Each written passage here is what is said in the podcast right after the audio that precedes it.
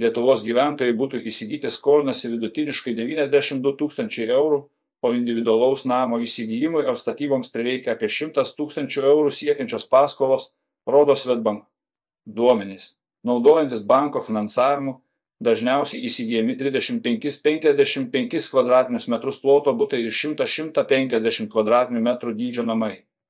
Pasak Svetbank privačių klientų tarnybos vadovo Pavelaceto, lyginant Lietuvą su kitomis Baltijos šalimis, mūsų šalyje įsigijama didžiausia dalis naujos statybos ir aukštos energijos naudingumo klasės būstų. Be to, lietuviai dėl finansavimo į banką dažniau kreipiasi su bendra skoliu. Individualių namų pirkėjai Lietuvoje už panašią finansuojamą sumą įsigyja 2-3 kartus didesnio ploto būstą nei kaimynai Latvijai ar Estai. O finansuojamos sumos skirtumas tarp būto ir namo yra mažiausias Baltijos šalise. Tai viena iš priežasčių, kodėl individualių namų populiarumas Lietuvoje didėja finansuotų namų įsigijimo ar jų statybų dalis nusekliai didėja nuo 2020 metų ir šiuo metu jis sudaro apie 35 procentus nuo visų būsto finansavimo sandorių, sako Pėladzeto.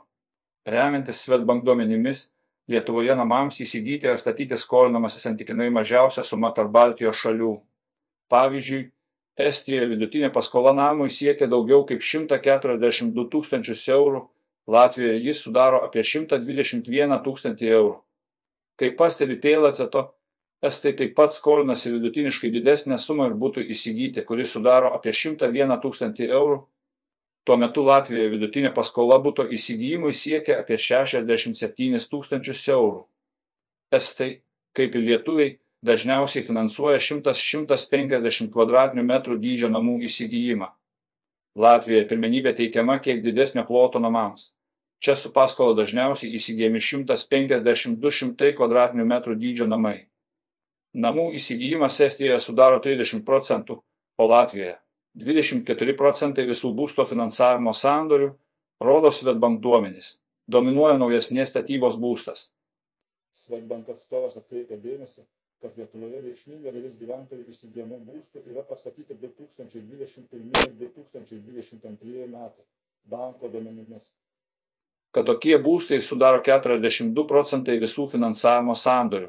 Tai reiškia, kad daugelis šių būstų turi aukštą energinio naudingumo klasę AA. Kaip rodo Svetbank duomenys, apie 17 procentų finansavimo Lietuvoje suteikiama 2000-2020 metai statybos būstams, o 32 procentai finansavimo sandorių sudaromi dėl ankstesnės statybos būstų, remiantis mūsų banko atlikta gyventojų apklausa ieškant kito būsto svarbiausi kriterijai žmonėms yra daugiau ploto, naujesnė statyba ir mažesnės išlaikymo sąnaudos. Naujesnio ir energiškai efektyvesnio būsto įsigijimas taip pat padidina ilgalaikį būsto likvidumą, mažina su būsto eksploatacija susijusias emisijas ir įgalina tvaresnį gyvenimo būdą. Pastebi Pėladzeto. Estijoje ir Latvijoje Svetbank finansuojamose būsto sandoriuose dominuoja senesnės statybos būstas. Čia atitinkamai 56 procentai ir 60 procentų sudaromų sandorių tenka senesnės nei 2000 metai statybos būstams. Naujos 2021-2022 metai statybos būstų finansavimo dalis Estijoje sudaro 25 procentai, Latvijoje 22 procentai.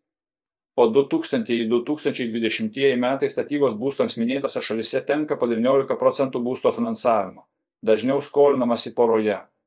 Lietuvoje skirtingai nei kitose Baltijos šalyse, didžioji dalis 61 procentas paskolų sutarčių dėl būsto įsigijimo sudaroma kartu su bendraskoliu.